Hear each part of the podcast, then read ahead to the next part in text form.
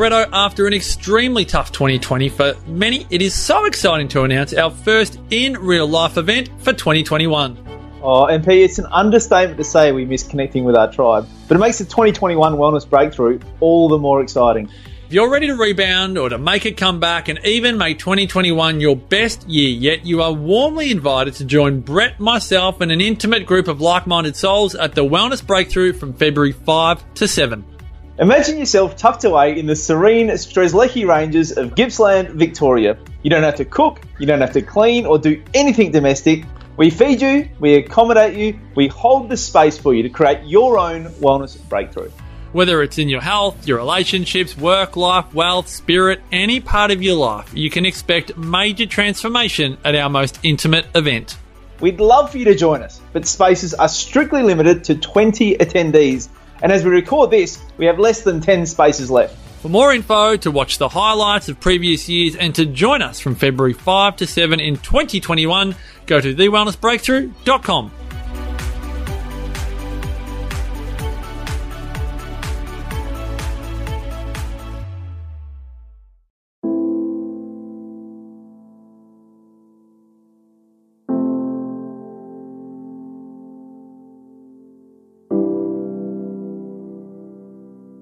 Welcome to Nourishing the Mother, where inspired women talk about the journey of motherhood through the common thread of parenting, relationship, and sexuality as a path to consciousness. We ask, in what ways can we show up more fully, live more meaningfully, parent more wholly, and love more unconditionally? How can we mine the wisdom from the experiences of our lives? And expand into those challenges. If you are here, you care about paving a path of conscious and intentional motherhood, connected with yourself and your gifts, and also illuminating your children in theirs, so we may raise more whole humans who can impact this world in a more humane way. And if you feel like giving a little back to this free content, please become a patron of the show and receive extra member benefits for less than a coffee a month.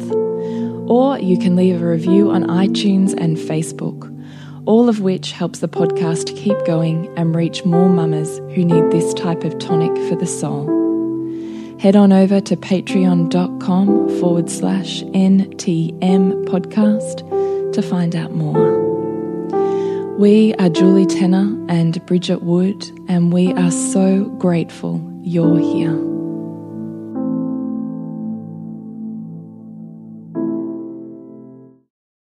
Hello, and welcome to Nourishing the Mother. I'm Bridget Wood. And I'm Julie Tenner. And today's podcast is Are You Ready for In Laws and Family at Christmas? Mm. Well, are you? Are any of us after lockdown? yeah, I know it's such an interesting one, isn't it? God, and you know we say after lockdown because that's what it's like here in Australia, but we do know for our many of our overseas listeners, there you know you're facing new rounds of lockdown, so it is a really um, challenging time, different time for us to be heading into a festive season. I bet that's really hard for Christmas too. Mm. Don't even know what that looks like. But my heart goes out to you if that means that you're suffering without seeing your family or without connection and the support that you need. So mm. big love hug to you. Yeah. what you need is actually humanity, but you know, it's the best we can do from here. Yes. so, what I would love to do before we have our conversation today is introduce you to this week's podcast sponsor. And that is the gorgeous girls, Ella and Bonnie from the Coffee Clinic. Now, I have to tell you, these girls have been following us in Nourish the Mother for a very long time.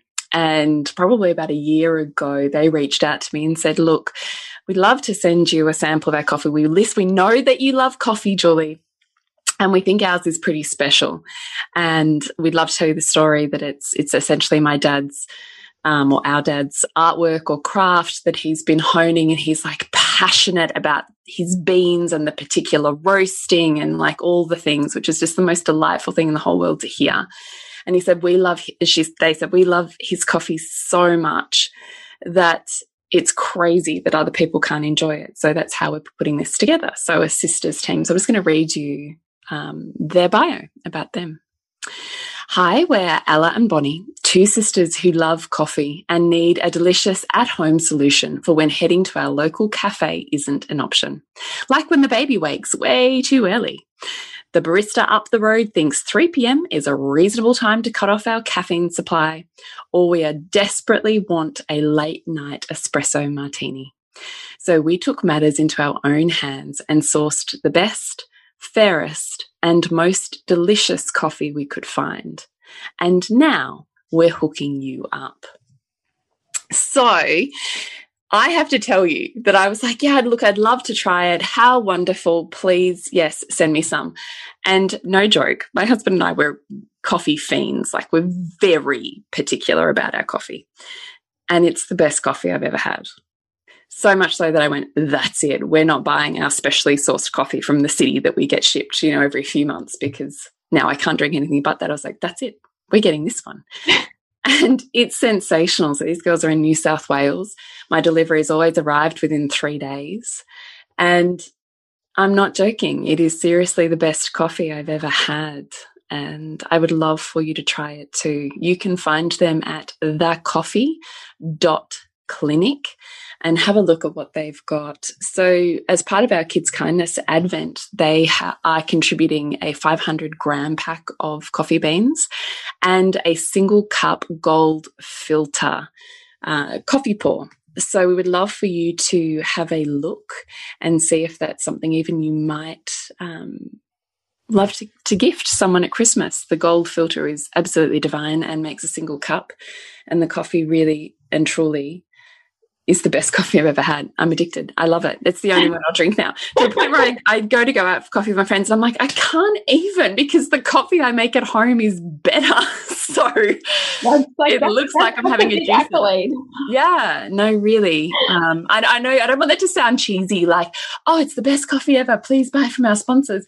But I'm really saying like I love this coffee. This is the coffee that my husband and I now sit down for our coffee mornings and it's ceremonial and delicious and seriously the best roast I've ever had. And I simply adore that it's one man's life's work essentially that he's potted yeah. and toiled away to find what he and his soul and his body desperately love and adore like and that his daughters see that, love that and want to share that with the world. Like I just think that's beautiful. It's gorgeous. Yeah. And I think about that every time I'm drinking it. So I would really love for you to try it because it's a totally on, on point for branding, flavor, and, and price. I'd love you to check that out at thecoffee.clinic. And I can say that I love the smell, but because I'm not a coffee drinker, I can't attest to the taste. Although my husband, because he's been drinking it, has been absolutely loving it, and it has inspired me to buy him a coffee machine. So that gets votes all around from my house, even if it's not me who's drinking it. well, now you know where to source your coffee from. That's it. Your espresso machine. That's it. Mm. All right. So today, Bridgie, what does it mean for you to think about if you're ready for Christmas with your in laws and family? Yeah, good question. So for me, it's becoming aware of the stories I tell myself about them, about who they are, about how I might see them as different to me, about where I can have a tendency to project what I value onto them. And I love this question because I can see how over time, um, how I've transformed has transformed how I've been able to meet those closest to me in, in that family way. And as I've recognized my own transformation, I've been able to meet them in more heart centered ways, recognizing how um, much our identity can latch onto beliefs, ideas, and ways of being or living that can sometimes have a tone of self righteousness to them that means that we can put walls up between ourselves and family as a way to enshrine what we believe in as like the right way or the right way to be or think or act. Um, but what that often does is block our capacity to really meet that other person and to honor who they are and to appreciate their um, version of love and appreciate the way in which they show up in all of these incredible ways so often that we can miss if we're looking for it the way we think it should be. Mm. And so I've enjoyed witnessing myself be, grow in this kind of awareness um, in recent years and recognize what boundaries are solid for me and which ones I can see are more fluid as my values have shifted and changed. Mm. And how do you see that play out with family around you at Christmas in particular? A really big one, I think, for me, and I, I spoke about this a little bit last year, was was noticing that I would have like a visceral reaction to my in-laws and the kinds of presents that they Oh, was plastic fantastic, wasn't plastic it? fantastic. Yeah, yeah, I remember. And for years I would just have this like visceral reaction and just make them wrong and I kind of like I kind of just sure like I'm just like shaking my head at myself for the ways in which I would like judge them. And now I can really um open my heart more to the love, right? Even if it might not have been the package I wanted to see it in, that it was really just their way of giving that that um my, wasn't necessarily my values, right? If, if I went when I was very, very probably environmentalist more than I am now, I've found it very hard to see the amount of consumption that was on display. Yeah. And interestingly, I can see um, that that sense shifting to my mother now, because in a family, you'll you'll likely notice this yourself if you um, see polarity in families playing out that for a period of time, one person might take out one position or one kind of um, idea. So you might have some vegetarians who are like hardcore vegetarian and you're like the meat eater, for example. And then something might shift a little bit and you'll let go of your staunch ways and, and they'll take your position.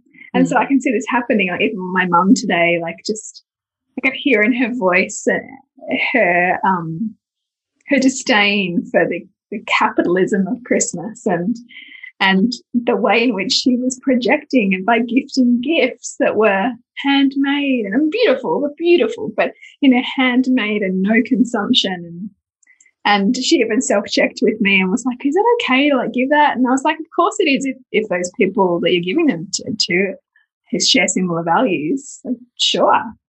Um, but I could just see that that I had previously taken up that space in our broader family, and now my mum was taking up that space, and I just mm. could flow with it. And I thought, how beautiful, because that's what we're always doing in a family dynamic is is everybody like a nervous system, like a universe. You're going to have expressions of all parts, and that's what happens within the family. And so it's really interesting to become curious about what you're really black and white on right now. Who in your family has the opposite, like opinion or view or way of life? And how is that functional for the whole? And where have you noticed a flip in recent years where maybe they're now taking up the space that you took up? And isn't that interesting? It just, what it does is it, it it brings in a sense of humility and, and it brings in a greater opportunity to connect, knowing that we are always evolving and that what we believed and held staunchly onto five years ago, 10 years ago, 15 years ago may not be what we are now holding on to and will not be what we're holding on to in five or 10 years time. So do you want to make, do you want to be self-righteous and block your heart to the connection that's possible on the other side of your own lens of how things need to be, or can you see a bit of see a little wider? Mm. So, how would you suggest that we soften our lens to see a little wider? Are you saying to be able to see the family dynamics of it's simply all parts expressed? And you could choose to take up that part or not. And if you choose not to, that someone else does. And therefore, there's a sense of grace there as opposed to charge. Yeah, I, I think it's, I mean, we're, we're always going to have an identity that is representative of us. And we can't escape that. And we love that. But it's, it's also recognizing when we have that visceral trigger, like I was, like what I was talking about with the, what I did, what I termed as overconsumption is to notice when we are feeling in our bodies that sense of black and white, right, wrong, there always, whenever, you know, that kind of language and that kind of physiological response, that is just feedback for us to go, whoa, like this is a big charge for me. Like I, I'm obviously pretty polarized here. I wonder why I am how's it reflective of what I'm really valuing right now that I see them challenging? Mm. How could I see this a little differently? Like, where is the love here? Is often useful to ask ourselves because we will make love look like what we think it should look like according to what we value. Mm. Not being, and therefore not being able to see their form of it. And then to self check that language on always and never and go, oh, okay, well, where, where, where are they? Like, actually, sometimes what I say they're not, mm. for example, um, so that we can see a little wider and, and, and stretch our ability to see beyond our black and whiteness. Because all of us want to be seen and heard and loved for who we truly are. That's all any of us want.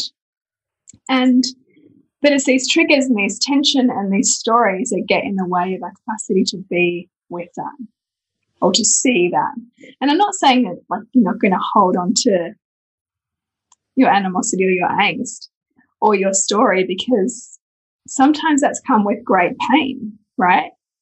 But I would also ask and suggest entering that curiosity with also the question, what am I getting out of holding on to this? Mm. Because sometimes the conflict that we have outside of us, like say outside the immediate unit that you're in now, can be galvanizing. It can be connection building with your intimate partner. So if you've got a war outside of your family, your intimate family is going to be more connected in order to manage the war outside of you. Maybe you're able to build social relationships more effectively because you have family conflict. So you've had to create a family in a different form. So just to look a little wider about what am I getting out of this dynamic right now that I, that I say they're this and they're not that and they can't be this. How am I using that as fuel for my ideas about the world, about myself, about what my children need or don't need, about who my partner is, just get curious about how that you've almost got a framework for how to live based on the roles that you've cast everybody in. Right? Mm. And it's just interesting to tease it out. I find it fascinating and, you know, working with clients and even looking at, okay, well, where's that come from? And if they show up like that and you respond like this and you've got this, you're almost like two forces of like a magnet that kind of can't go any further because you're you're forcing each other to go the opposite way because of the, the tension here. Well, what if you change and then that's going to shift the way that they're behaving because you've now you've taken a different step, you've interrupted the pattern of that relationship. Because this is happening in every relationship, not just our intimate one, which you mean you speak about this, you know, at length in Queen School and with all of your work in intimacy, around. It's not changing the other, right? Mm. It's not making them be different for you. It's getting curious about how you're relating mm. and what you're making them mean or mm. it mean. Mm. It's so funny though, isn't it? Because it's such a values. It just, as you were saying that, then I'm like, oh yeah, I do. That's true. Yep, true. And yet, I struggle to apply that to family. and I think too, because of family, like consider our neural pathways, which you know you you and I are talking about this. Like if you've got like a really deep, like, like well worn neural pathway, like that's like decades old, that someone is this and someone can never be that, and I am this in relationship to that person, like that's in, an intense, like story. Yeah. To unravel. Yeah, yeah. And to the degree to which we don't want to unravel it is the degree to which we're also gaining some level of benefit from it. Because totally. Which is, I love what you're saying, is what am I getting out of holding on to this dynamic? Yeah. Because if I, because if I, you know, if I thought the opposite, what would that mean for who, who I am right now and how I'm showing up in the world? Who, like, you know, like it, it begins to pull at a thread that sometimes we're not comfortable with unraveling yet. And so it's safer to cast everybody in these roles or make the meaning that we make instead of pulling and tugging at that thread and allowing it to unravel and mm. see what's really there. Mm. I love that question. Like, how could the opposite also be true? Or how could I show up in the opposite way and, and see what happens essentially, right? Mm. How do you, how would you suggest someone go about doing that when they are sort of in a well-worn pathway of a bit of repulsion mm. or rejection or charge of some sort? What do you think about that? Mm.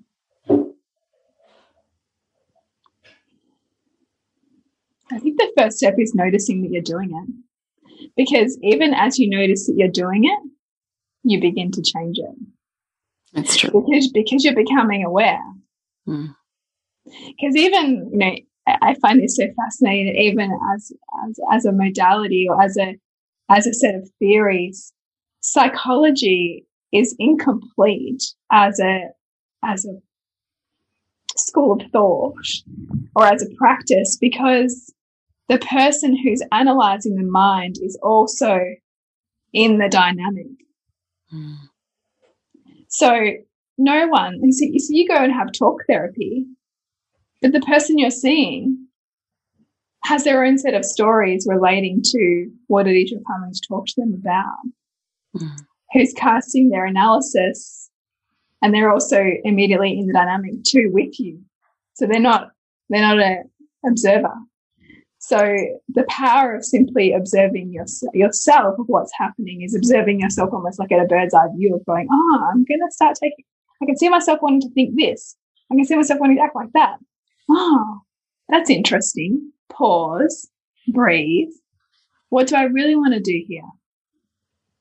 What would it be like? And it will feel like so clunky and awkward and like almost like you're trying to write with your opposite hand, mm. taking that different action, staying that little longer in the tension, mm. like not closing down, mm. or like, you know, quickly changing the subject. Like, what would it be like to take a breath here? To simply just be with the discomfort, maybe, of not taking up the space that we usually take up. Mm. Yeah, I love that. And I think I think sometimes it's subtle. Mm. It can be subtle like that. It can be a very private moment in a lot of ways, can't it? Yeah. Yeah. Yeah. I, I don't even know that it's necessarily some something that you need to expressly have out with someone either. Because remember that it's not about necessarily getting them, you know, going head to head and trying to change something. It's often simply because we're all energy you shifting the energy that you have about this situation and it allows it to reorganize itself. Dissipates, yeah, totally. You'd said something earlier when we began, which is that we can use conflict or the hurt as armor. Mm. I'm just wondering if you could talk around that. Yeah, this. I mean, I think that this this stems from. This reminds me a little bit, actually, of some of the work that you talk about in terms of, um, like the, well, you talk about like with women and with the feminine who's hurt, and she's got this like glass, mm, um, like a dome, like a dome over the rose mm. as a way to protect herself, and so it becomes um, it becomes like another cage where you can't meet beyond it. Like you can't like touch into that if there's a cage around it. Mm -hmm. And so the hurt is almost like it's easy to be in conflict and not have to feel the pain of what's what's really here because at least in conflict I'm I'm kind of like I can take my like combative move or I can like defend this space and this story that I've got here and the hurt that's actually underneath my anger because I can't let you see me fully or I can't be met here. So it's safe for me to put up all of these walls and hold on to beliefs that I have that as you know that mm. staunchly oppose your own in order for me not to feel the the chasm of hurt that might actually really be here if we were to take off all of those, those, that armor essentially, or that glass dome that's around my vulnerability that's preventing me from really meeting you. Because you can't really meet someone if you're angry at them or if you've cast them into a role that means that they're so different from you that you can never connect. Mm. Because if they're so different, how could you possibly ever see eye to eye? How could you possibly ever meet their heart if they're, you know, all of these things that you say that they are and that you're not? Yeah, then you'd never have to, would you? Because there's no. A, yeah. You wouldn't have to go there. You wouldn't have to meet your own um, vulnerability, essentially. Mm. Yeah and, and sit with that. Like it's a lot of story that's come up for me this time, this time, this lately with them. Um, like my brother now that he's having a family and he's growing his business like exponentially, which I think is amazing. But it taps me into all of my own like wounding stories about like not being good enough and like not being successful or, you know, on, on a financial sense, right? Like in terms of a, if you look at people, look at each other on paper and like our achievements, also because culturally we don't value motherhood. So write off those like eight years or whatever.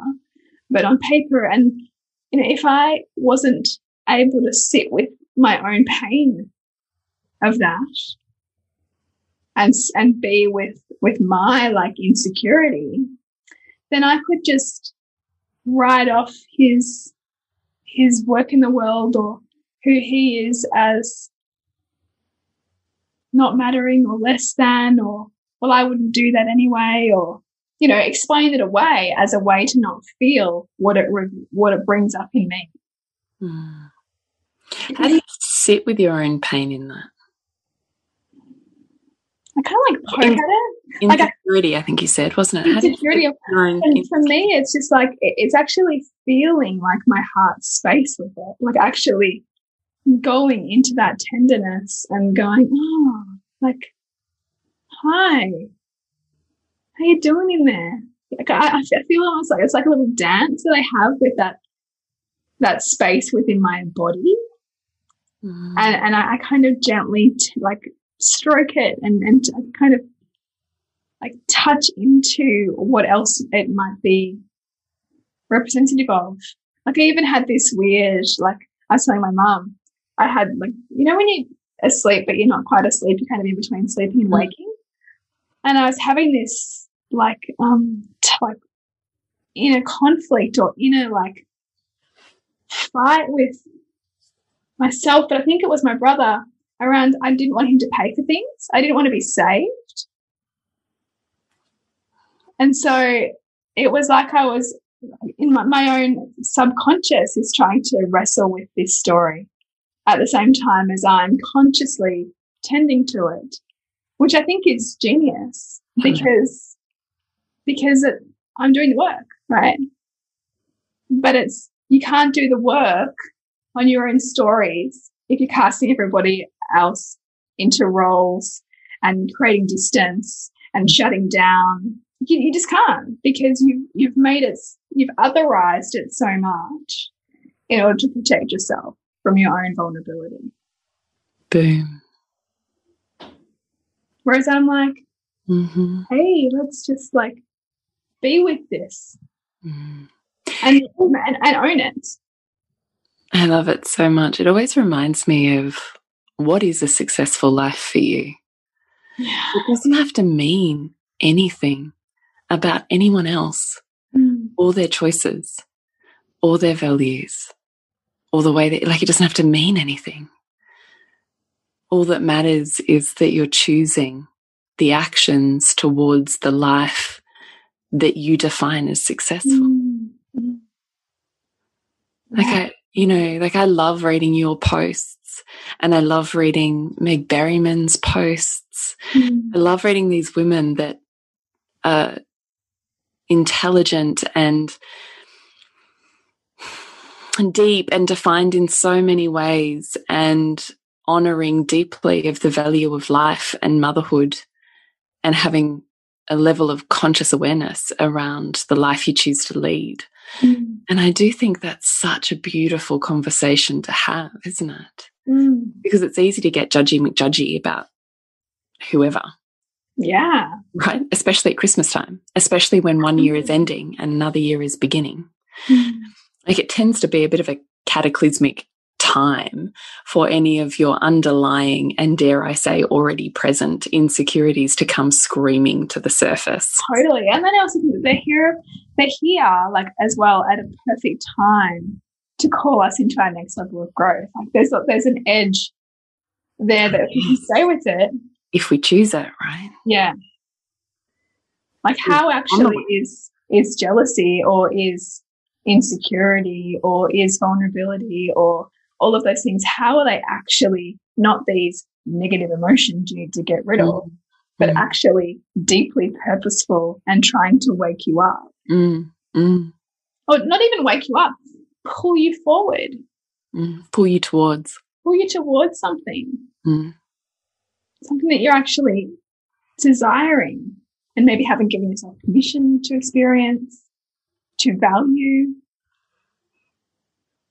totally. Totally. Mm.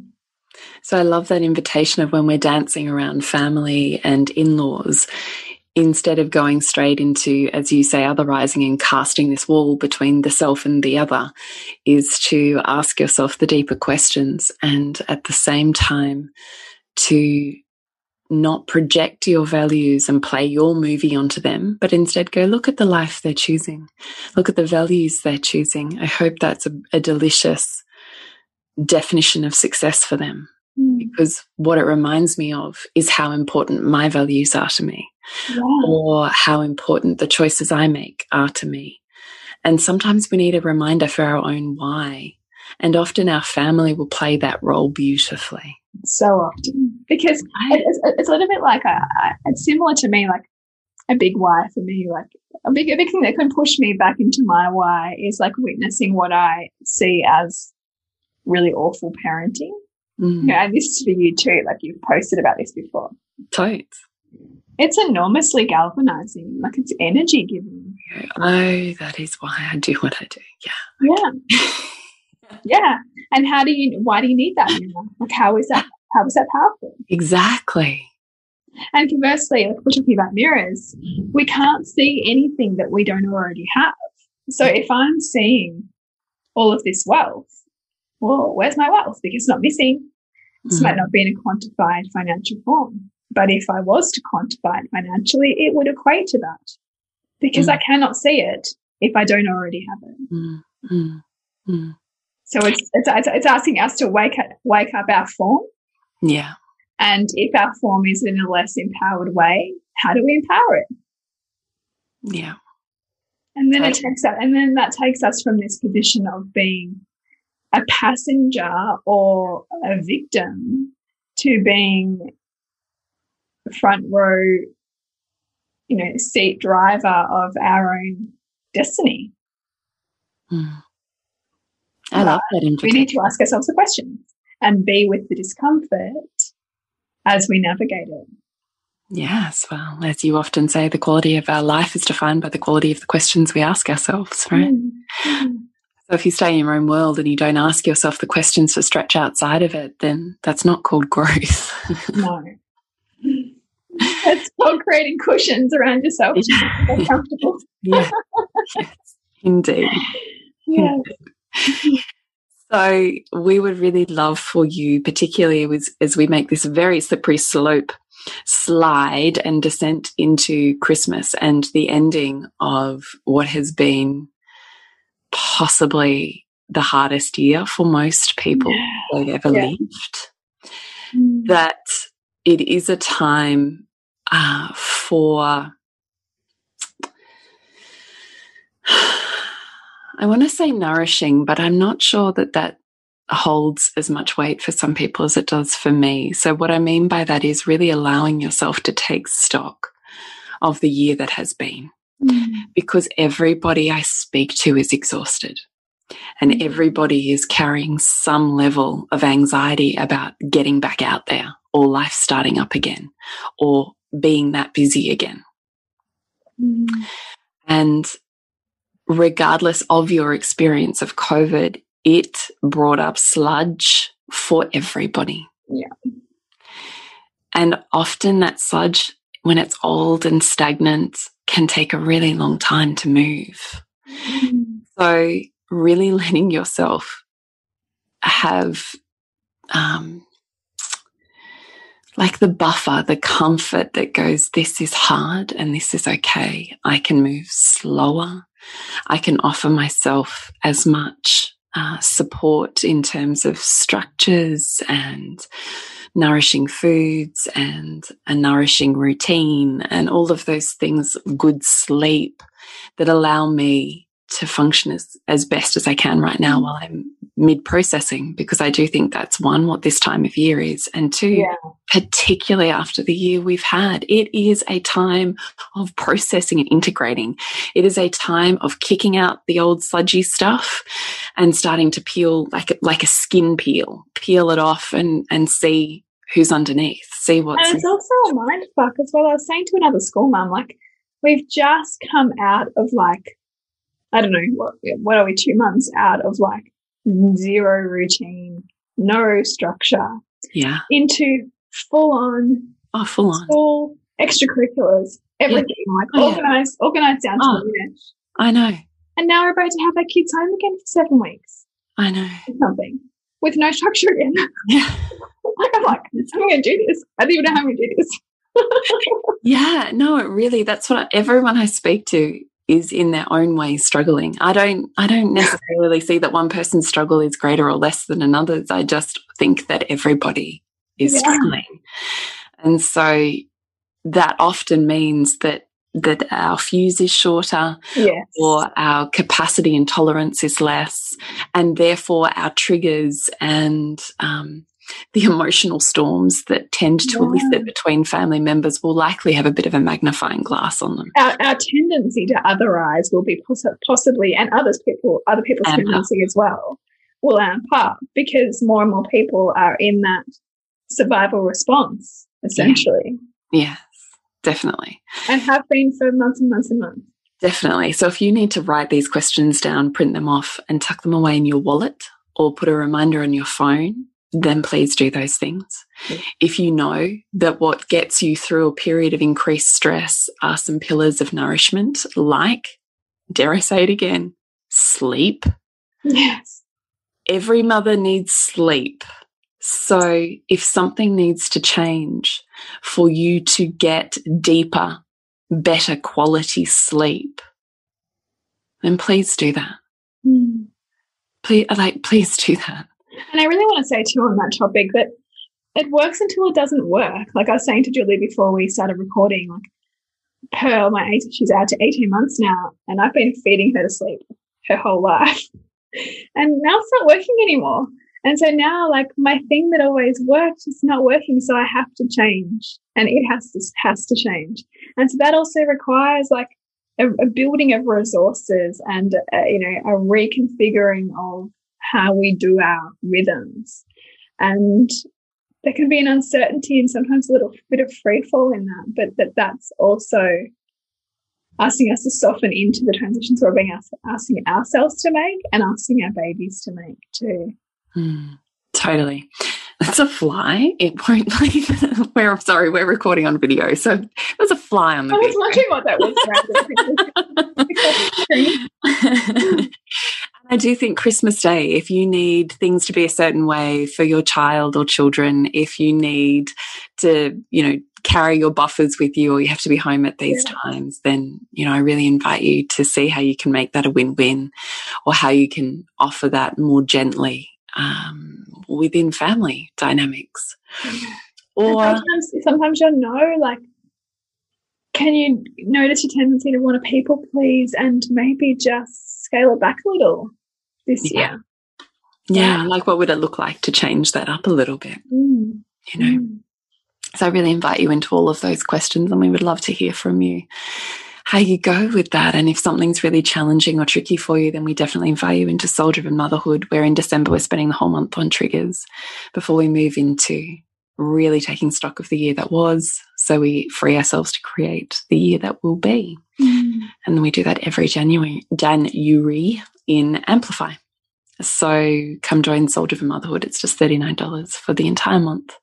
There's weekly workshops, a plethora of 11 plus courses, all on conscious parenting and relationship, and a network of women that will offer you the most profound, deeply seen and heard advice. Mm. Like it's extraordinary. So if you're talking about nourishing and creating your own buffers and resources, it's 100% a soft pillow to land on. So please come and find that too. Mm. And to connect with you, Bridget. It's suburbansandcastles.com. And you, Jules? Is julietenner.love. Remember to nourish the woman to rock the family. And we'll see you next week when we continue to peel back the layers on your mothering journey.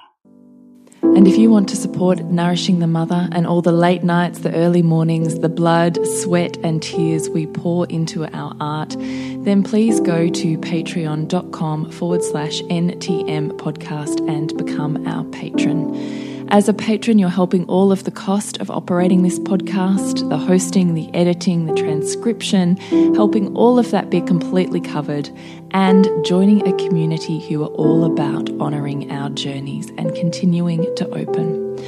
The more support we have, the longer we can last. So become a patron. We'd love to have you. Go to patreon.com forward slash NTM podcast. We literally couldn't do this without you. Thank you so much for listening, and please share this podcast with anyone you think it would be medicine for.